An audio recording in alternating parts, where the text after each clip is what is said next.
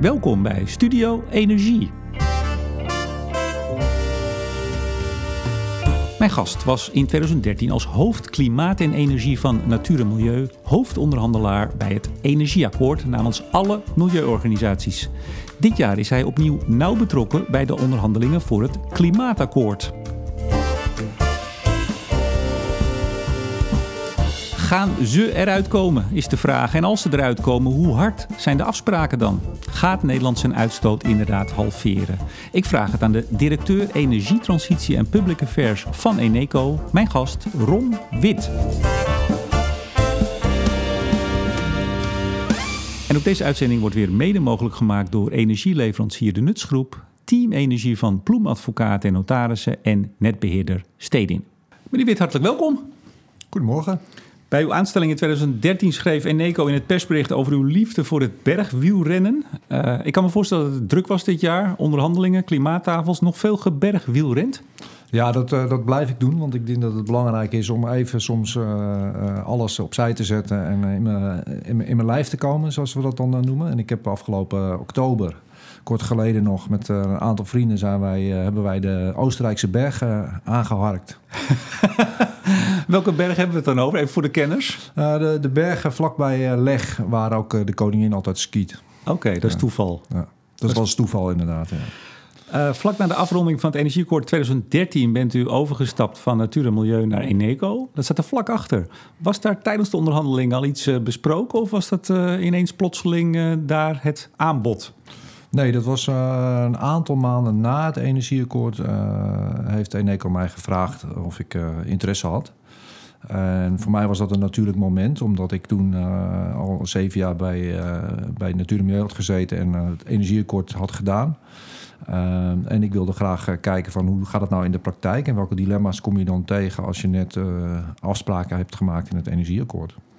Maar dat was toch september was het energieakkoord klaar? Ik dacht dat u in oktober al aantrad? Nee, in december. Oké, okay. er zat ietsje tijd tussen. um, als, als directeur Public Affairs, inmiddels ook directeur Energietransitie. Wat betekent dat? Um, nou, het is, een, uh, het is eigenlijk een combinatie. Kijk, vaak is public affairs is vooral uh, gericht natuurlijk op, uh, op stakeholder management en lobby in Den Haag, Brussel, et cetera. En ik doe ook, ik werk altijd ook vanuit de inhoud. Ik ben eigenlijk van oorsprong geen, geen public affairs man, maar meer van de inhoud en de strategie. Dus ik heb ook afgelopen anderhalf jaar ben ik ook interim directeur strategie geweest bij Eneco.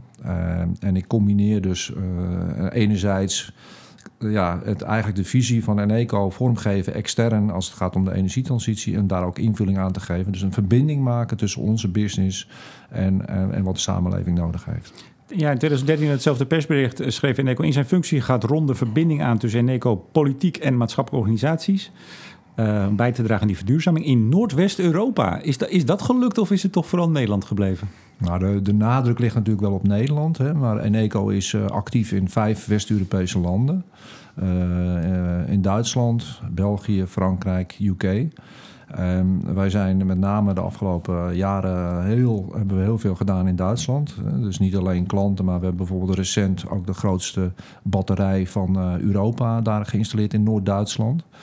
Um, en we hebben in België fors geïnvesteerd in, uh, in een nieuwe klantenbasis en ook uh, windmolens op land. Allemaal voor die Nederlandse gemeentes die aandeelhouders zijn, die hebben daar toch helemaal niks aan, of wel?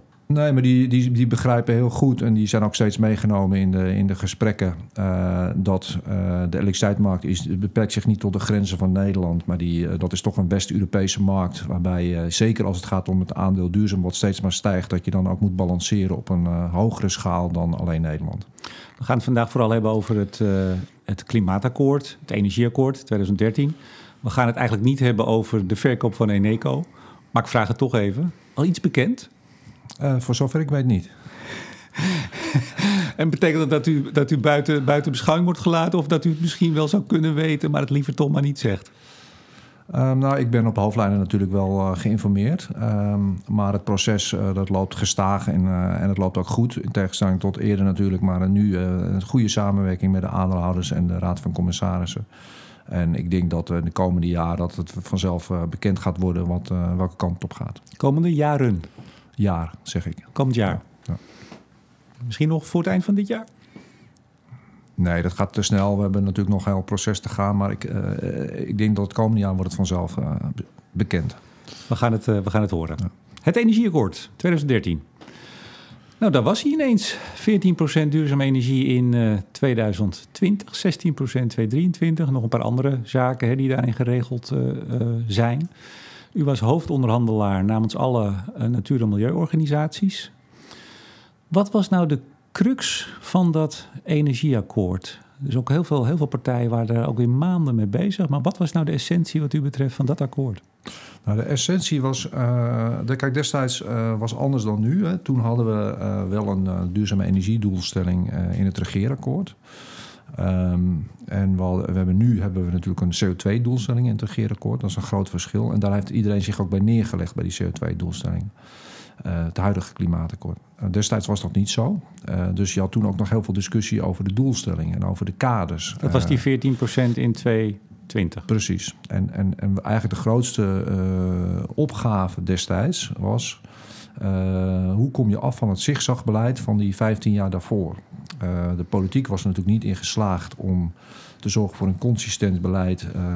en dat was niet alleen de schuld van de politiek, maar ook van alle belangenorganisaties en alle bedrijven. die iedereen zat natuurlijk te duwen en te trekken aan die politici. Dus wij waren gezamenlijk verantwoordelijk voor het zigzagbeleid.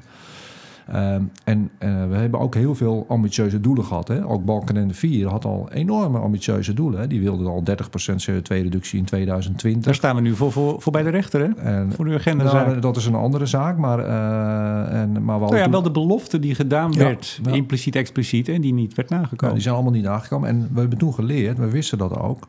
Ook uh, toen de NGO's wisten dat donders goed. Dat doelen alleen had je niks aan. Dus je moest ook echt zorgen dat er instrumenten onder zouden komen. Dus ook echt, zoals bijvoorbeeld die tabel eh, voor wind op zee, hè, waarin precies werd uitgeschreven van wanneer moet hoeveel megawatt uh, aanbesteed worden door de overheid, wanneer moet het operationeel zijn.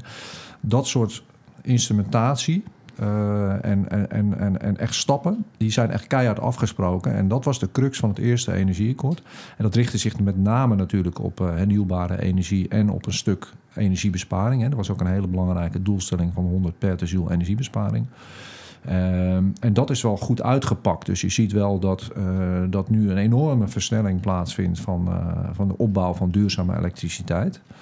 Uh, maar destijds hebben we natuurlijk dus... dus, nou ja, die, ga, die gaat zich opbouwen, want we zien hem nu nog niet natuurlijk. Nou, je ziet wel dat de aanbesteding van wind in 2019 is de laatste. En dan hebben we in 2023 is dan wel degelijk precies de tabel uitgevoerd... zoals die is afgesproken in het, uh, in het eerste energieakkoord. Hè. Dus dat betekent 4500 megawatt uh, wind op zee is dan operationeel. Daarmee doet Nederland het fantastisch en ook nog tegen hele lage kosten. Uh, wind op land valt ietsjes tegen. Dat heeft natuurlijk te maken met het draagvlakproces uh, in de samenleving. Maar ook daar sorry, nee, maar iets, ietsje, ietsjes, die valt toch heel erg tegen? Nou ja, er is 6000 afgesproken. En ik denk dat we richting de 5000 megawatt uitkomen in 2000. Ja, maar kijk niet tegen welke, uh, ik wil niet zeggen letterlijke kosten... maar tegen de, de verzetskosten en de, de ophef die daarover dat is. Klopt, die zijn op sommige punten heel hoog. Ja. En ik denk dat je daar ook een verstandiger besluit in zou kunnen... beleid in zou kunnen voeren. Mag, mag ik even terug naar het begin wat u zei van ja, die, die doelen die waren nog niet eens echt helemaal. Uh, daar was niet iedereen het over eens, de doelen die ja. uiteindelijk. Maar die 14% was toch gewoon een eis van Brussel die we moesten halen. Die gaan we niet halen, blijkt inmiddels. Maar die, die moesten we toch gewoon halen. Was daar dan inderdaad nog discussie over? Nou, kijk, ja, daar was er wel discussie over. Ja. Dus we hadden het eigenlijk, we hadden het, natuurlijk de doelstelling is afgesproken, is 16% in 2023. Hè. Dus uh, aanvankelijk zou dat 2020 worden, dus iets meer dan wat Brussel vroeg. Uiteindelijk hebben we dat wel afgesproken met een kleine vertraging. Um, ja, wacht even, die moeten we even terughalen. Want de, de VVD en, en PvdA, die hebben in het regeerakkoord afgesproken die 16. Ja. Uh, en daar bleek al heel snel van, uh, met name door de planbureaus die aan tafel zaten, van dat, dat gaan we gewoon niet redden, die 16. Het was toch 14 van Brussel in 2020? Ja, dus de, planbureau, doorrekening van het Nationale Energieverkenning... die zegt dat we gewoon die 16% gaan halen. Hè? Dus dat, dat, is, dat, is geen probleem. Wat wel wordt gezegd is dat die 14% niet gehaald wordt. Dus het planbureau denkt nu dat het ongeveer op 12% uitkomt. Uh, en dat komt niet door dat wind op zee vertraagt... maar dat komt met name door dat wind op land vertraagt. En een paar andere kleinere bronnen, zoals vergisting en dat soort zaken. Ja. Nee, maar wat, wat me verbaast en wat u nu volgens mij nu ook doet, dat het, het ging om 14% 2020. En als ik met mensen spreek, hebben die het altijd over nee, maar we gaan de 16 in 2023 halen. Dat is toch gewoon het inderdaad vooruitschuiven. Het is 14, 20 halen we niet. Punt. Nee, dat, dat, is, dat klopt ook. En dat, is ook een, dat is ook een teleurstelling uiteraard. Alleen we hadden die dubbeldoelstelling. En je hebt nou eenmaal te maken met uh, doorlooptijden van uh, lastige procedures met wind op land. Die ervoor zorgen dat je soms net even wat meer tijd nodig hebt. En ik denk dat het niet heel erg hoeft te zijn als je het drie jaar later doet, als het dan wel inpasbaar is. Dus die 16 halen we, de 14 niet. Dat zeiden we ook al. Ja. Ik geloof dat minister Wiebes dat nu ook wel min of meer toegeeft. Henk Kamp heeft heel lang volgehouden dat we het wel konden gaan halen, geloof ik was de formulering. Ed Nijpels ook, maar gaan we niet redden. Hè? Nee, dat denk ik. Uh, dat, dat, daar moeten we eerlijk over zijn dat, dat uh, die 14% uh, lastig wordt. Ehm, ik denk dat wat er nog een ander punt is uit het eerste energieakkoord... was dat er natuurlijk geen focus was op de industrie. geen, geen echte focus op mobiliteit. Dat is wel geprobeerd, maar er lagen de belangen zo ver uit elkaar bij mobiliteit dat dat niet gelukt is. En bij de industrie uh, was het op dat moment nog een no-go, uh, omdat, omdat doel, doelen gewoon eenvoudigweg uh, te lastig gebleken te zijn. En dat is natuurlijk nu heel anders in het, in het tweede klimaatakkoord, waarin dat juist heel hoog op de agenda staat. Ik heb Diederik Samson wel eens horen zeggen, eigenlijk was energieakkoord 1, noemen we het dan maar even, 2013 was gewoon heel veel wind op zee. Uh, en, en, de kolencentrales, biomassa bijstook, dat, dan heb je wel een beetje de hoofdlijn, toch? Nou ja, je hebt, je hebt, ik zeg altijd, je had daar een, eh, een, een motorblok... wat bestond uit, uh, uit mijn hoofd vier onderdelen. En dat was de sluiting van vijf kolencentrales... een, een, een instrumentatie- en uitrolpad wind op zee... 100 ehm, petajoule energiebesparing, dat klinkt, klinkt misschien een beetje technisch, maar dat is echt heel veel energiebesparing extra ten opzichte van wat al beloofd was. En je ziet dus dat dat heel een knellend doel, doel werd, omdat je twee keer een versnellingspakket hebt gekregen de afgelopen jaren, waar Nijpels moest echt vol aan de bak om proberen dat doel te halen. dat heeft onder andere geresulteerd in aanvullende energiebesparingsmaatregelen in de verschillende sectoren. Ehm, en het, uh, het, derde was natuurlijk de rest van de hernieuwbare energie en, uh, en, en de bijbehorende werkgelegenheid. Uw toenmalige baas Jack Wagenaar die was zeer geëmotioneerd bij de presentatie van het energieakkoord, weet ik nog. Ja. Hij, hij pinkte een traantje weg. Was dat, was dat ook echt een, een, een, het moment dat het allemaal gelukt was? Was het zo emotioneel? Ja, nou ja, ik denk dat is ieder voor ieder persoonlijk natuurlijk. Uh, het was, het was, ik denk dat het ook te maken heeft met het feit dat je, dat je net een uh, aantal maanden heel hard uh, onderhandelen achter de, achter de rug hebt. Uh, waar het heel intensief is geweest. Ehm, waaruit uiteindelijk je moet concluderen dat, dat het een half vol glas was voor de meeste mensen. maar desalniettemin wel een, een breuk met het verleden, met het zigzagbeleid. En, maar waarom was het maar half vol dan? Nou, omdat ik denk dat, omdat ik net ook zeg, hè, dus de industrie waren geen afspraken, goede afspraken over gemaakt. Uh, er waren gewoon op een aantal punten, zoals energiebesparing, had meer gekund. Uh, eh, CO2-beprijzing was er niet gekomen. Uh, daar lagen nog maar dat was toch ook niet nodig voor die doelstellingen die uiteindelijk gehaald moesten worden. Nee, dat, dat, klopt. Maar als jij, als jij een, een volwaardig energieakkoord had willen maken... Hè, dan, en ook waar de CO2-reductie ook wat sneller zou gaan... dan had je ook de andere sectoren mee willen nemen... en dan had je ook nog wat aanvullend beleid willen hebben. Want CO2-reductie speelde helemaal niet bij het energieakkoord. Dat speelde wel, maar dat, uh, daar, daar werd geen overeenstemming over bereikt. Maar het was geen doel. Um, nou, dat was, geen, was, het was wel een doel in de onderhandelingen. Alleen uh, de partijen konden het niet eens worden over een CO2-doelstelling. Had, had er een CO2, dus we hebben die 14, 16 procent energiebesparing voor vijf van die doelgroep werkgelegenheid is er ook nog één. Had daar eigenlijk een CO2-reductiedoel bij gehoord? Zeker, dat had erbij gehoord. Uh, alleen dat is niet gelukt omdat een aantal partijen uh, daar op dat moment nog niet aan toe waren. En dat is natuurlijk het voordeel van het nieuwe klimaatakkoord, dat het gewoon Kijk, we hadden toen Parijs nog niet. Hè? En nu hebben we inmiddels hebben we, is er heel veel veranderd met vijf jaar geleden. We hebben uh, de Parijs-afspraken zijn natuurlijk uh, het allerbelangrijkste. Uh, en ook het feit dat de Nederlandse regering heeft gezegd van wij willen Parijs gewoon halen. En dat hebben wij natuurlijk ook, uh, Eneco heeft dat ook samen met de transitiecoalitie heeft dat aangejaagd de afgelopen twee jaar. We hebben gezegd, kijk Parijs is wel getekend, maar dat betekent niet dat dat, dat, dat, dat, dat ook leeft in de samenleving. Hè? Dus wij hebben als bedrijven gezegd dat we willen zorgen dat Parijs ook gaat leven en dat die ook nageleefd uh, wordt. Maar even, ik hoor heel vaak dat uh, Nederlandse bedrijven en organisaties, politici zeggen: we, we gaan Parijs halen. Wij zitten als EU zitten we in Parijs, niet als Nederland. Dat is, dat is ook waar. Uh, maar ook Nederland heeft een verantwoordelijkheid, want wij zijn ook als, als land zijn wij lid van de VN en hebben wij ook als land hebben wij dat getekend. Niet alleen als de EU. En ehm, wij, en de Nederlandse regering beschouwt dat ook zo. Hè. Die zegt ook van ik wil 49% halen, ook als de EU uh, niks doet. En ik, bij voorkeur wil ik dat de EU wel meedoet en dat we dan 55% gaan doen. Ja. Dus, dus, Nederland is daar klip en klaar over. En dat helpt natuurlijk uh, ook in, in de huidige klimaatonderhandelingen. Dat je gewoon een on betwistbare doel hebt. Uh, en waar iedereen zich al, uh, wat iedereen heeft omarmd. Ja. En dus alleen nog maar hoeft te praten over de hoe-vraag en niet meer over de hoe-hoog-vraag. We, we, we, gaan het daar zo over hebben. Ik heb nog één vraag over dat, dat energieakkoord. U zegt daar had eigenlijk een CO2-reductiedoelstelling in gemoeten. Wat voor percentages gingen er toen over tafel? Um, dat ging over 2020 met name. Uh, en ik denk dat op dat moment percentages als 30%, 40% uh, aan de orde waren. Dat is stevig. Nou ja, dat hangt er vanaf hoe je het, hoe je het, hoe je het bekijkt. Want op dat moment, we zitten nu uh, op 12%, 13% geloof ik.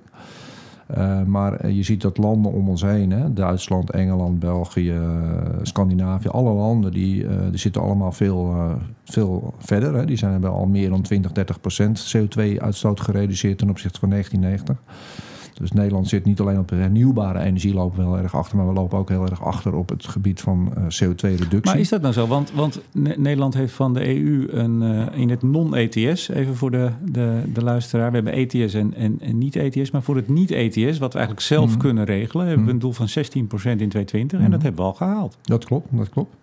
Uh, dat was ook niet heel erg ambitieus, uh, dat doel. Maar het neemt niet weg dat als je het, als je het geld samenneemt... Nee, maar, dus is dat dan niet een, nee, maar is dat dan niet een beetje flauw? Want dat, die doelstellingen zijn zo verdeeld... omdat ja, sommige landen zijn fossieler dan andere. Wij zijn een erg fossiel land.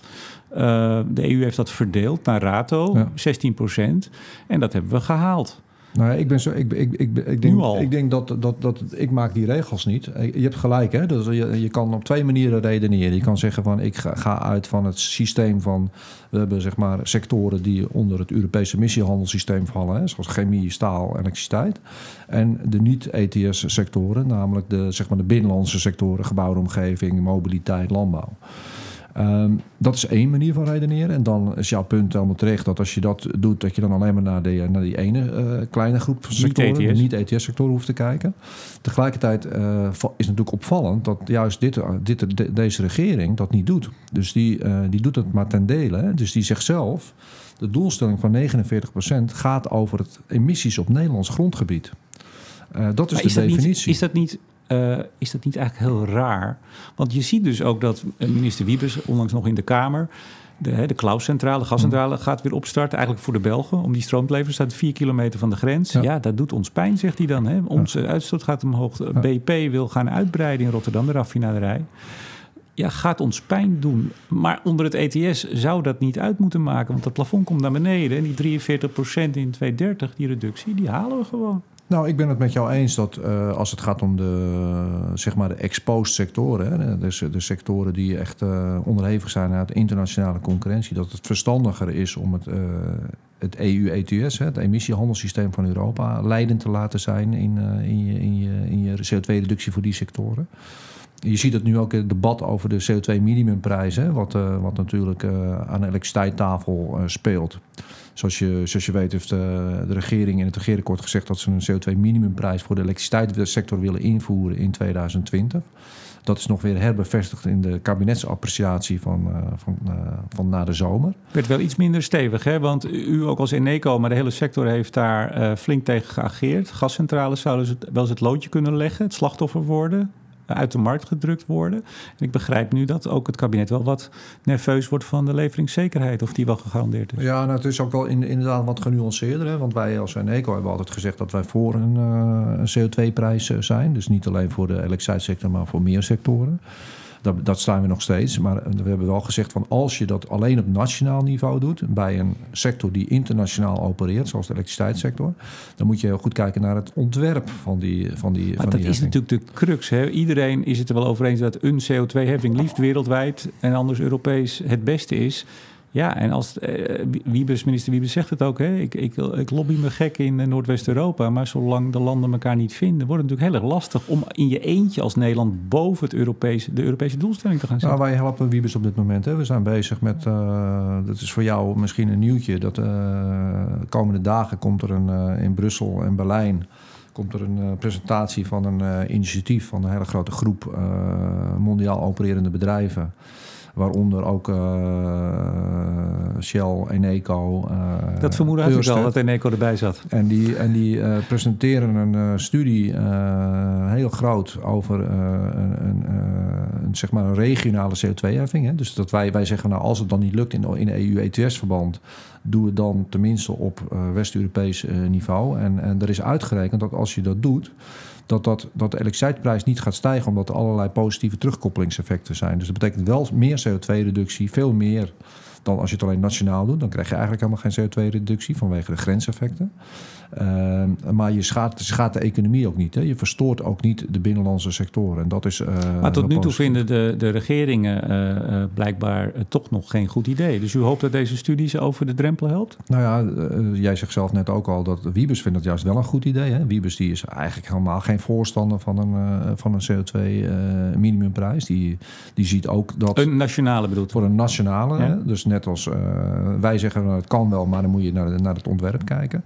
En waarom waarom is dat nou zo? Dat als je nu in Nederland alleen een minimum CO2-prijs in de elektriciteitssector invoert, dan uh, gebeuren er twee dingen. Ten eerste uh, blijkt uit meerdere studies dat dan de CO2-reductie per saldo niet, niet, niet daalt, omdat in Duitsland uh, dan meer elektriciteit... Een beetje, het ligt een beetje aan de aannames, maar niet, niet nee, zoveel nee, als je zou denken. Het is sterker nog, die stijgt juist volgens de, de studie in opdracht van het ministerie van Economische Zaken. Hebben we het over de Frontier-studie? Over de Frontier-studie. Maar het wordt ook bevestigd door andere analyses.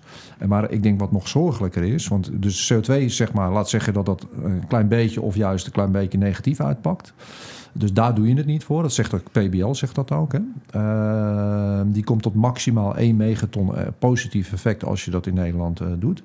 Maar wat, wat, wat, wat, wat de discussie eigenlijk is, is van als je dat doet, dan, dan, dan, is dat, dan gebeurt het het volgende. Dan heb je in, in Nederland is afgesproken dat de kolencentrales dichtgaan. In 2030 zijn ze allemaal dicht. En stel nou dat je dan tegen die tijd 60 tot 70 procent hernieuwbare elektriciteit hebt. Dus met name zon en wind. Stel nou dat je dan even een aantal dagen geen uh, zon en wind hebt. Maar de bekende donkerflauten. Ja, precies. En uh, zo wordt het ook genoemd. De Elfstedenwinter hè, wordt het dan in Nederland wel genoemd. Maar dat, dat zorgt ervoor dat je op dat moment heb je dus nog gascentrales nodig om zeg maar, eh, de backup te hebben en te zorgen dat het licht aan En u bent bang dat die tegen die tijd uit de markt zijn gedrukt? Nou ja, de, de, de, de, de, de berekeningen laten zien dat als je, als je die CO2-minimumprijs uh, gaat invoeren in Nederland alleen, dan uh, al bij een klein, als, als de CO2-minimumprijs iets hoger ligt dan de ETS-prijs, dan klapt meteen de stroom om, zeg maar. Dan gaat dus Nederlandse centrales gaan niet meer produceren of minder produceren, terwijl de Duitse centrales het dan overnemen. De bekende bruin, bruinkoolstroom krijgen we dan? Ja, dus dat gaat heel snel. Omdat ik zei, je hebt gewoon verbindingen tussen die landen, dus dat gaat heel snel. En dat betekent dat, dat die niet meer rendabel worden, die gascentrales, want die zijn al heel marginaal aan het draaien. Hè. Die hebben al eigenlijk verdienen ze hun eigen kapitaalskosten niet terug. Ze verdienen eigenlijk alleen hun variabele kosten terug, namelijk de, de gaskosten. En uh, op het moment dat, dat, dat de CO2-minimumprijzen komt, dan gaan ze, uh, gaan ze uit. En dan gaan ze wellicht in de mottenballen. Dat blijkt ook uit die, uit die studies. Ja. En dan heb je dus niet meer de backup nodig, uh, beschikbaar op het moment dat zon en wind ja. uitgaat. Maar u, u komt dus, zeg ik maar even, als groep met die studie binnenkort. Wanneer is dat? Letterlijk volgende week? Nou, die komt, uh, ik moet even de precieze datum, maar hij komt ergens in de komende week. Oké, okay, nou ja. dat gaan we dan afwachten. Ik wil toch even naar het klimaatakkoord, want daar hebben we het eigenlijk nog niet eens uh, over gehad. U zit aan twee tafels, uh, één als Eneco en één vertegenwoordigt u ook alle elektriciteitsbedrijven. Bij de elektriciteitstafel zit ik namens Eneco en aan de gebouwde omgevingtafel namens de energiebedrijven. U, hebt nou, u was hoofdonderhandelaar, dat zei ik al bij het uh, uh, energieakkoord. Nu zit u bij het klimaatakkoord. Uh, even gewoon zo, wat zijn, de, wat zijn de verschillen? Wat is het grote verschil met vijf jaar geleden? Nou, het grote verschil is, er zijn twee grote verschillen, denk ik. De eerste is dat, wat ik net al noemde, dat we toen geen CO2-doel hadden van 49 procent. Waardoor daardoor ook geen overeenstemming werd bereikt. waardoor je maar een smaller akkoord had, als het ware. Alleen op gericht vooral op energiebesparing en duurzame energie. Nu heb je dat wel. En we hebben Parijs gehad. Dus nu is, is iedereen overtuigd van de urgentie van het klimaatprobleem. En dat maakt het wel wat makkelijker. Maar dat betekent ook hè, dus dat je die 49% doelstelling. dat je eigenlijk 80, 90% van de tijd niet zozeer aan het onderhandelen bent met elkaar. maar veel meer aan het, aan het ontwerpen. Je bent met elkaar aan het bouwen. Uh, over hoe ga je nou die 49% op de meest slimme en kosteneffectieve manier bereiken. Uh, en het is, ja, het is heel complex, want in, in het eerste energieakkoord kon je gewoon zeggen... nou, ik ram er nog een paar windmolens en zonneparken bij en dan, dat is het. Maar nu, als jij straks 60, 70 procent en wind hebt staan... dan moet je dus ook heel goed na gaan denken over ja, je backup capaciteit en je flexibiliteit van je energiesysteem. Denken we daar al over na? Daar, daar wordt volop over gesproken aan de tafel. Daar zijn hele heftige, uh, intensieve debatten over. Want dat is, het is bij, bij uitstek ook onzeker, die toekomst. Maar waarom is dat heftig? Want je zou zeggen, nou, dit is een puur technische opgave. Je, je weet ongeveer hoeveel procent je op een gegeven moment hebt staan. Dat wordt uitgerold. Dan weet je ook, dan moeten we zorgen voor backup, dan moeten we misschien waterstof gaan maken. Nou, noem het maar op. Waarom zou dat heftig moeten zijn? Dat is een heel technische opgave. Nou ja, dus, dus, dus misschien aan, eh, even gerelateerd naar de actualiteit. Uh, kijk, je hebt natuurlijk een aantal backup uh, opties. Hè? Dus, dus, dus, dus wat wij altijd zeggen is als Eneco... is van zorg er nou voor dat alle opties mee kunnen doen... als backup als zon en winter even wegvallen. Daar bedoelen we mee dat niet alleen productieeenheden kunnen worden ingeschakeld... Hè, zoals gascentrales... Misschien ook wel uh, piekketels, biomassa of uh, waterstof. Maar dat ook uh, batterijen mee kunnen bieden om dat probleem op te vangen. Maar ook bijvoorbeeld vraagsturing, demand-side management. Hè? Dus dat de industrie mee gaat vieren met afhankelijk van. Ja, dat even wat harder draait als er veel is en even wat terugschakelt als er wat minder Precies, is. dus als een koelhuis misschien normaal op 17, min 18 graden staat... dat die dan eventjes een paar uur wat minder gaat... en dat die een andere moment weer wat, wat, wat meer gaat vriezen. Maar nogmaals, dat is toch gewoon een systeem wat we met elkaar bouwen... waar op een gegeven moment je geld kunt verdienen... door bijvoorbeeld even wat minder die koelcel uh, te laten koelen? Nou, dat, dat klopt, dus dat zeg ik ook. Dus 80, 90 procent is ontwerpen met elkaar. En uh, dan zijn we het ook heel erg met elkaar eens over, over allerlei uh, belangrijke aspecten. Maar uiteindelijk heb je natuurlijk nog wel de discussie... Uh, welke productie wil je dan uiteindelijk inzetten? Nou, toevallig net heeft kernenergie is gepasseerd. Uh, en wat je daar ziet is dat, dat wordt gezegd, nou kun je dat niet inzetten? Hè? Zoals een land als Engeland, die heeft daarvoor gekozen. nou, dan moet je dus heel goed kijken naar wat voor systeem heb je dan in 2030 en later. En past kernenergie daarbij? Dus even los... Ik begrijp van de VVD dat er niet over gesproken wordt aan de tafels kernenergie. Nou, weet je, dat, daar wordt wel over gesproken. Want uh, wij hebben aan tafel geen uh, dogma in, in deze. En we hebben ook gezegd van we bekijken dat allemaal op, uh, op, op zijn waarde. Nee, maar goed, Wiebes zegt uh, geen positieve business case en is hij blijkbaar ook niet van plan te maken. Zo klinkt het dan. Nou, weet je, het probleem Tot 2030 geen kernenergie. Nee, maar kernenergie, uh, als je nu besluit om dat te gaan doen, dan kost het ongeveer 15 jaar voordat uh, voor zo'n centrale er staat. Dus voor, voor de Professor Kloosterman zit 8 tot 10 jaar uit Delft, hè, de bekende. Ja, maar ja, voordat je dat politiek doorheen hebt en voordat je dan heb je hem niet voor 2030. Hè? Maar stel dat je hem toch wil doen, want we, we hebben natuurlijk een Parijs gaat tot 2050. Dus stel dat je zegt, nou, we gaan het wel doen, want dan hebben we misschien staan in 2035. Dat zou kunnen. Dan uh, loop je tegen het volgende probleem aan. Dus dat is kernenergie. Uh, kost volgens de nieuwe centrales, zoals in Engeland, kost het nu al ongeveer 11 cent. Uh, per kilowattuur. Nou, ter vergelijking. Is dit ietsje minder? Nee, het is 11 cent. en 35 jaar lang subsidie. En, uh, en dat is best, best heel hoog. Hè? Uh, want de huidige elektriciteit, kale prijs op de markt, is zeg maar ongeveer 5, 6 cent. Uh, wind en zon, wind, wind, wind op zee zit nu al ongeveer op 5 cent. Dus dat laat al zien dat, dat nu kernenergie al zeg maar ruim twee keer zo duur nee, maar is. dat, dat kunt u toch niet met elkaar vergelijken? Want dan moet u ook bij, bij zon en wind, moet u dat hele systeem van het opvangen van de Elfstedenwinter, moet u toch ook nee, mee rekenen? Want dat wordt steeds buiten beschouwing gelaten. Nee, ik, ik, ik geef het dan even alleen aan als referentieprijs van hoeveel kost dat. Nou, en als stel dat je toch in kernenergie gaat doen en stel dat je dan in 2000 35, 70 procent hernieuwbare elektriciteit hebt in het systeem. Dat betekent dat kernenergie uh, nog maar de helft van de tijd de centrale kan laten draaien, omdat de andere helft van de tijd wordt die, wordt die, wordt die stroom, kernstroom, wordt uit de markt gedrukt uh, door een goedkopere wind en zon. Want wind en zon zijn nog goedkoper in de variabele uh, prijs dan, dan kernenergie. En dat betekent dat een kernenergie maar de helft van de tijd draait en daarmee wordt de, de, de prijs per kilowattuur verdubbeld. Dus dan gaat het richting 20 cent per kilowattuur. Als ik u zo hoor, geen kernenergie in Nederland. Nou ja, ik zeg niet dat het niet moet, maar ik zeg alleen maar... Het nou, gaat als dus ik u zo 20 hoor, cent, dan, is 20 het, dan cent zou, je wel, zou je wel gek zijn als je het doet. Dat is Dat een beetje wat u zegt. ja. dat denk ik wel. Ik Hm. denk dat, het, dat er andere, goedkopere oplossingen zijn. Ik wil even terug naar het, uh, het uh, klimaatakkoord en de onderhandelingen. Als ik u zo hoor, dan zegt u nou, de, over de doelstellingen zijn we het dit keer wel eens. Die 49 procent, liefst 55. Daar hoor ik overigens iets minder over. Maar goed, die 49 procent, meer dan Europa doet. Die zit op 40, voorlopig. Uh, vanochtend, we nemen dit op, uh, dit gesprek op dinsdag, uh, dinsdagochtend. FD, Financieel Dagblad zojuist, het commentaar. klimaatakkoord snakt naar regie-overheid. En daar lees ik, en ik vraag het u natuurlijk of dat klopt... onderhandelingen gaan moeizaam. Is dat zo? Ja, ik denk dat het wisselend is. Uh, Want heeft u ook zicht op de andere drie tafels waar u zelf niet zit? Ja, ik heb, uh, ik heb minder zicht op de industrietafel uh, en mobiliteit uiteraard, maar en landbouw helemaal niet. Uh, maar ja, dat is een opgave van niks, hè, die landbouw. Dat is zo geregeld. Dat, dat, gaat, dat is zo geregeld. maar, um, maar gaat het moeizaam, die onderhandelingen? Nou ja, we zitten in de eindfase voor het ontwerpakkoord. Uh, en dan is het altijd even lastig. Uh, dat is inherent aan zo'n. Uh, want dan, zijn, dan blijven de heikele issues blijven op tafel liggen. En, en die moeten. ja, daar hangt er gewoon vanaf of, dat, of we daarmee de komende twee weken uitkomen of niet. of en als dat niet zo is, dan zullen we nog wat langer nodig hebben. Maar kunt u nou eens aangeven bij de tafels waar u zit, wat nou zo'n heikel punt is waar u zegt, nou, daar, kan het, daar, daar, daar hangt het nou op?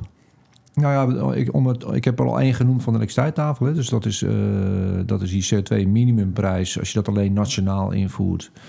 Uh, dat je dan dus die, uh, de backup van, uh, van elektriciteit... Ja, maar er worden geloof ik al vijf alternatieven liggen er op tafel en er wordt naar gekeken. Dus daar ja. komen we wel uit. Ja, dus, dus dat, dat, ik, ik verwacht dat we daar uit kunnen komen. Gebouwde want, omgeving, hoe zitten we daar? Dus, dus dan is er nog een ander punt bij elektriciteit. En dat is een heel reëel punt wat, wat, wat gewoon ook de samenleving heel erg raakt. Is dat als je zeg maar die nou, 70% hernieuwbare elektriciteit wil halen in 2030... dat is ongeveer wat je nodig hebt, ook voor die doelstelling van de, van de tafel uh, elektriciteit.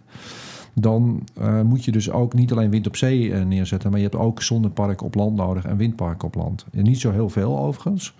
Uh, wij hebben uitgerekend dat als je uh, met repowering van de, van de oude windmolens, dan kom je al een heel eind. Dus je, je hoeft niet heel veel bij te zetten. Wat is dat precies, repowering?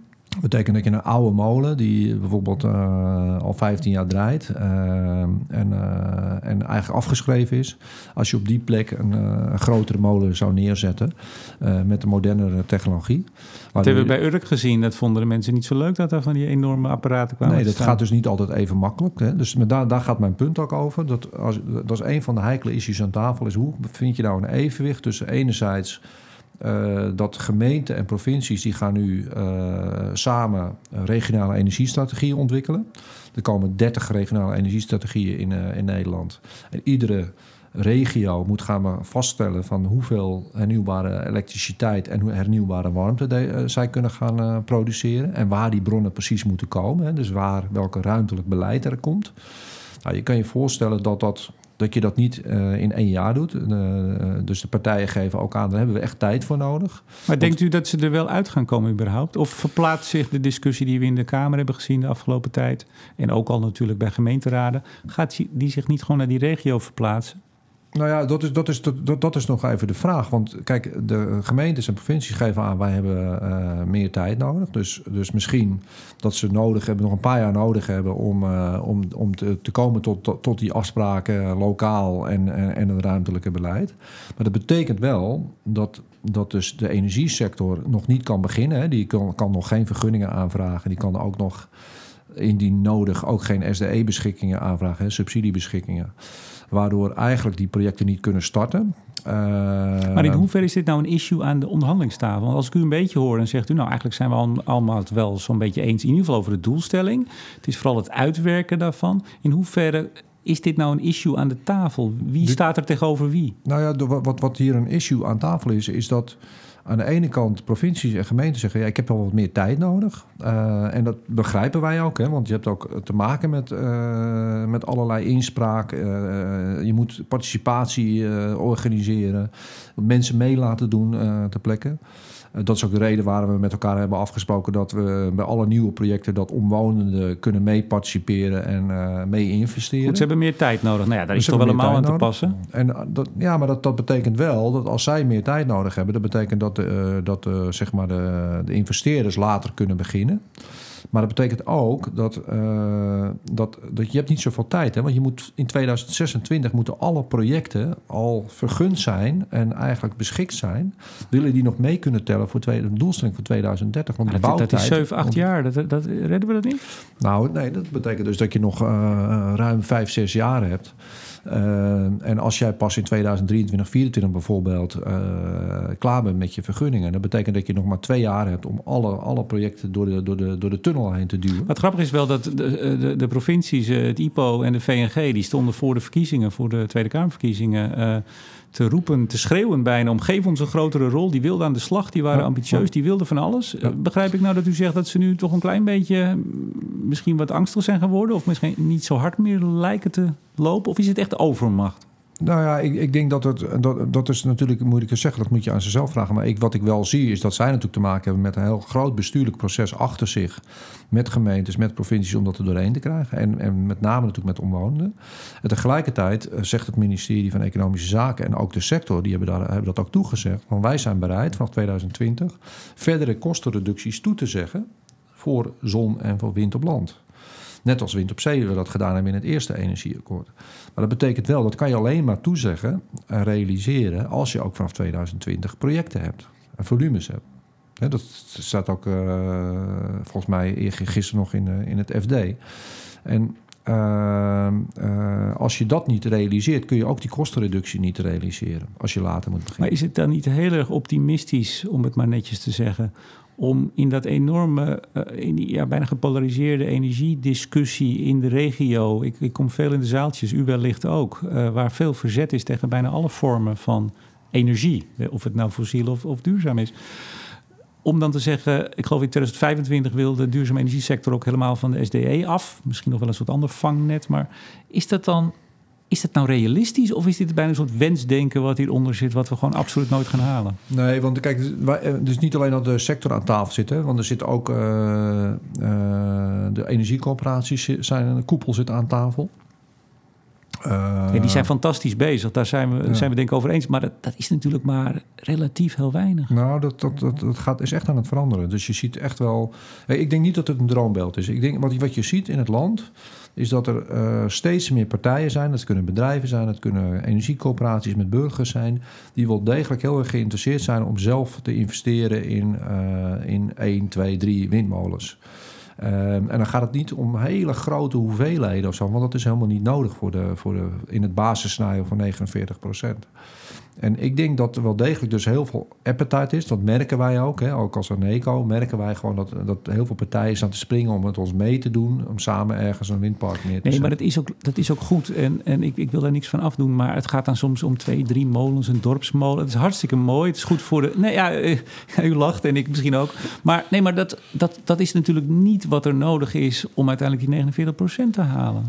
Nou, dat, dat valt wel ontzettend mee. Want wij hebben uitgerekend dat uh, als je de wind uh, uh, op land, doelstelling van het eerste energieakkoord van 6 megawatt, als je die hebt en je voegt daar. 6 gigawatt, hè, voor de goede orde.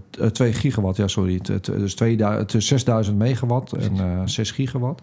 Als je, die, als je daaraan toevoegt 2 tot 4 gigawatt wind op land, dus veel minder dan het eerste energieakkoord dan uh, heb je al genoeg wind op land. Uh, als, je, als je verder uitgaat van de, van de normale uh, groeicurve van. dus van bovenop die 6000 nog ja. eens 2 tot 4000. Ja, als je dat doet, dan haal je gewoon rustig de doelstelling van de, van de elektriciteitssector voor die 49% Maar het, het VVD-congres heeft zich volgens mij tot twee keer toe op twee verschillende congressen uitgesproken tegen nog maar. Er moest geen megawatt je meer bijkomen op land boven de 6000. Nou ja, dat, dat, dat zou kunnen. Kijk, het is natuurlijk altijd zij aan. Ik wil aan- maar zeggen, dat, wordt nog, dat is nog niet zo makkelijk zoals u het zegt. Nou, wat, ik, wat ik ook zeg, net zeg, als je, er is nog gewoon plek. Hè? Dus als je kijkt bijvoorbeeld naar eh, de Maasvlakte, daar wordt nu een, eh, een tender voorbereid voor een, eh, voor een windpark van, ik geloof 100, 200 megawatt. Ehm, dat zijn wel enorme grote molens die daar komen te Ja, staan. maar zoveel plek hebben we natuurlijk niet. Hè? Dus, de- de- dat is er een, u noemt hem. Maar, maar goed, ik wil nog even, want we, we lopen een beetje Ja. uit de tijd. Ehm, wat is de crux bij eh, gebouwde omgeving? Daar zit u ook aan. Wat is daar nou, wat u zegt, nou, dat is nog een heet hangijzer. Ehm, nou, eentje is natuurlijk dat, er, eh, dat, dat je, je kan wel die doelstelling halen, maar je moet wel zorgen dat er ook instrumenten zijn. Hè? Zodat dat het Rijk ook kan zeggen van nou, er komt een schuif in de energiebelasting. Want als je dat niet doet, dus dat betekent dat aardgas wat duurder wordt en elektriciteit wat goedkoper Maar bijvoorbeeld. in de appreciatie van door het kabinet is dat toch eh, gezegd dat het wel zal ja, maar ze kunnen zijn, gaan het gebeuren? kabinet is daar wel voorzichtig over. Ja? Die zegt van nou, we kijken met een schuin oog naar koopkracht en eh kom met nieuwe varianten. En dat was. Dat is wel lastig, dus, dat is wel, ik, dus daar zijn we nog niet uit. Dus een dat- tegenvaller hè, voor Samson, begreep ik. De, de, de voorzitter van de tafel. Nou, hij begrijpt het ook wel dat, dat naar koopkracht wordt gekeken en dat je dat, dat, je dat eh, in een, met een groeipad eh, moet doen. En daar zijn we opnieuw naar aan het kijken en we wachten even een nieuw, eh, nieuw voorstel af. maar is er oneenigheid aan de tafel? Dat is eigenlijk wat ik u vraag. Nee, er is nog geen oneenigheid. eh, maar het komt ook omdat het definitieve voorstel nog niet op tafel ligt. Het is nu eh, bijna eind december. Ehm, ik geloof dat 1 december was het officieel dat de pennen neer zouden moeten aan de tafels. Dan zou het bij elkaar gezet worden. en Nog geloof de integratie tussen de tafels. Ja. Ehm, ga- ga- gaan we dat halen?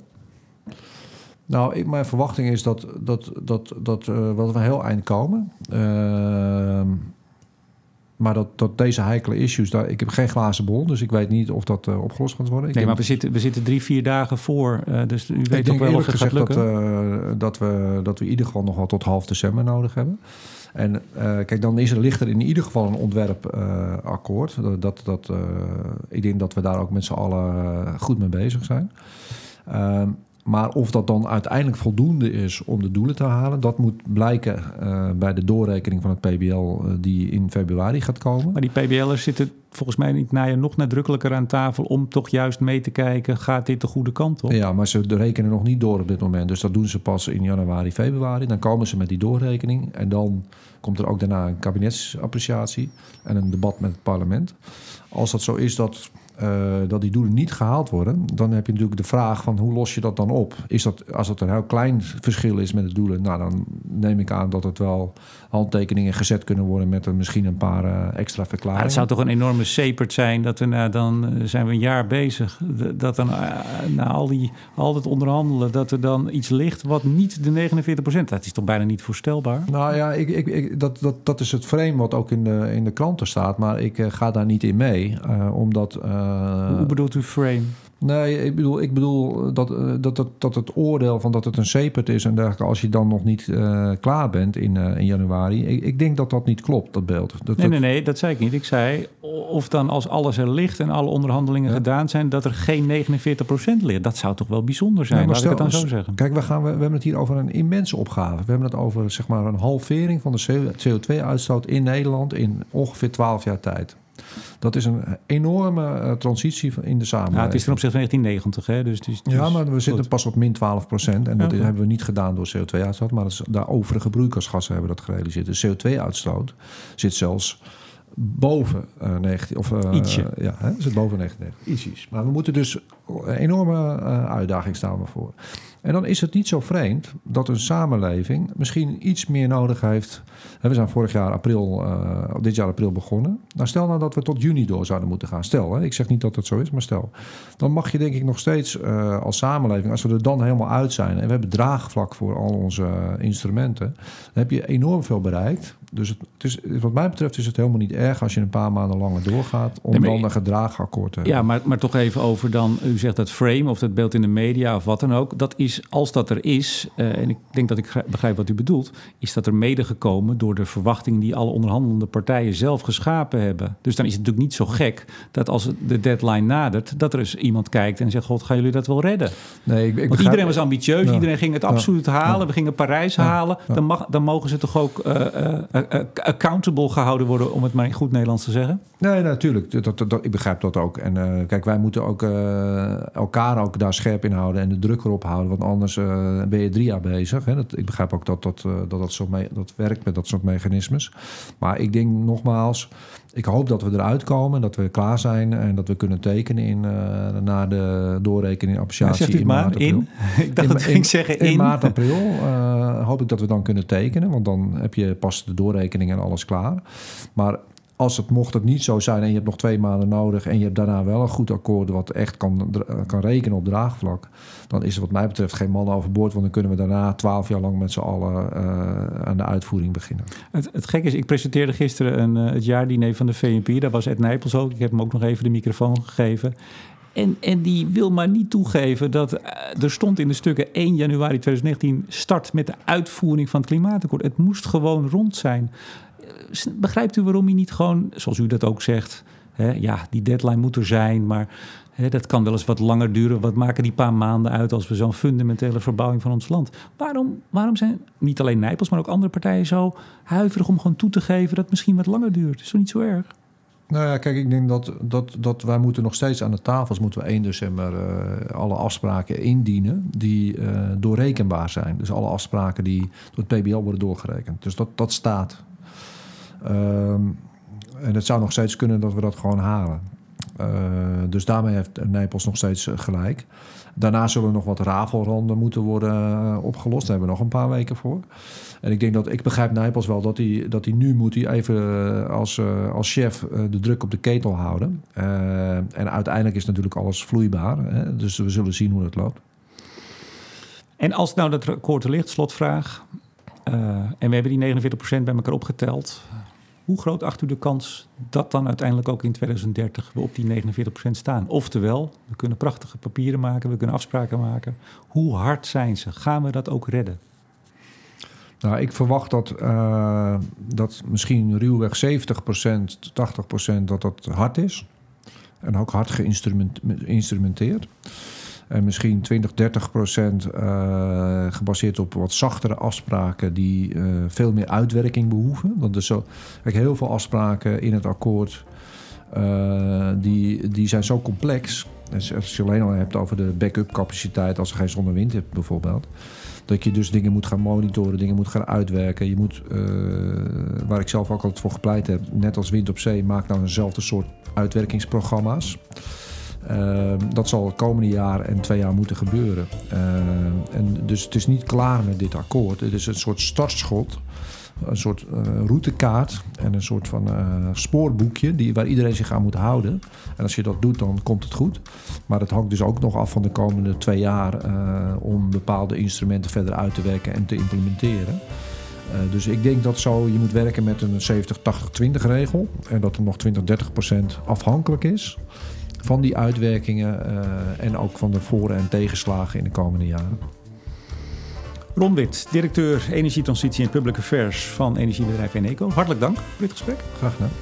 Ik bedank ook deze week energieleverancier De Nutsgroep, Team Energie van Ploem Advocaat en Notarissen en netbeheerder Stedin voor het mede mogelijk maken van deze uitzending. En uiteraard bedank ik jou, beste luisteraar, voor het luisteren. Mijn naam is Remco de Boer. Graag tot volgende week.